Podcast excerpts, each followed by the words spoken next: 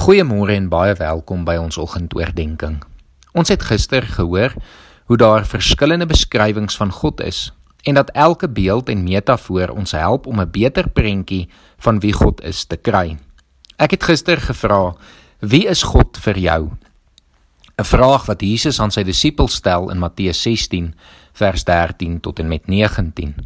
Ek lees dit vir ons voor.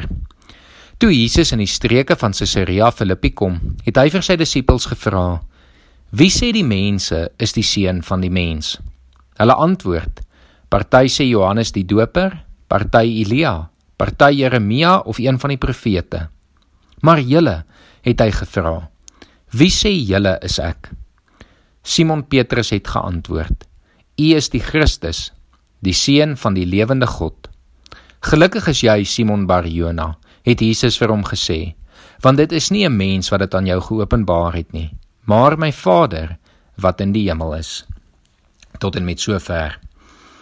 Wie is Jesus? Hierdie vraag wat Petrus antwoord, vertel vir ons presies wie Jesus was.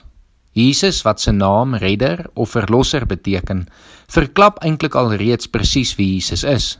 Maar Petrus se antwoord kleur dit nog verder vir ons in. Petrus sê Jesus is die Christus. Christus wat die Griekse woord vir die Messias is. Messias of dan Christus wat die gesalfde van die Here beteken. Die Jode het geglo dat God 'n Messias, 'n Christus, 'n gesalfde van God sal stuur wat hulle sal kom red. Met ander woorde, Petrus bely dat Jesus die gesalfde redder van die wêreld is. Hiermee saam maak hy nog verdere belydenis dat Jesus die seun van die lewende God is. Hiermee erken Petrus weer die beeld van God as Vader en erken Jesus as sy seun. Hy maak dit duidelik dat God 'n lewendige God is, anders as die ander gode van die wêreld wat dood is en niks beteken nie.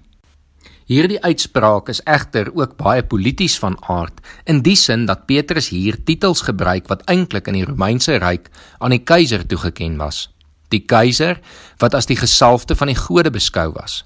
Verskeie keisers wat na hulle self as die seun van een of ander god verwys het. En laastens is die titel Here of in die Griek Grieks Kyrios ook aan keisers toegeken. Kyrios wat dan as meneer of heer vertaal kan word, maar in die konteks van die keisers as Here met 'n hoofletter. Hier kom maak die evangelies te duidelik deur Petrus se belydenis dat Jesus die eintlike Here is. Daarom hoop ek dat jy altyd saam met Petrus en die ander disippels Jesus as die Here, die Christus, die seun van die lewende God sal bely. Ek wil vanoggend afsluit om vir ons 'n opsomming van wie Jesus is en wat hy gedoen het uit Kolossense 1 vanaf vers 15 tot 20 voor te lees. Die seun is die beeld van God van God wat self nie gesien kan word nie. Die Seun is die eerste verhewe bo die hele skepping. God het deur hom alles geskep wat in die hemel en op die aarde is, alles wat gesien kan word en alles wat nie gesien kan word nie. Konings, heersers, maghebbers, gesagvoerders, alles is deur hom en vir hom geskep. Voor alles was hy al daar en deur hom bly alles in stand. Hy is die hoof van die liggaam, van die kerk. Hy is die oorsprong daarvan. Hy is die eerste, die een wat uit die dood opgestaan het, sodat hy die eerste plek in die heelal inneem.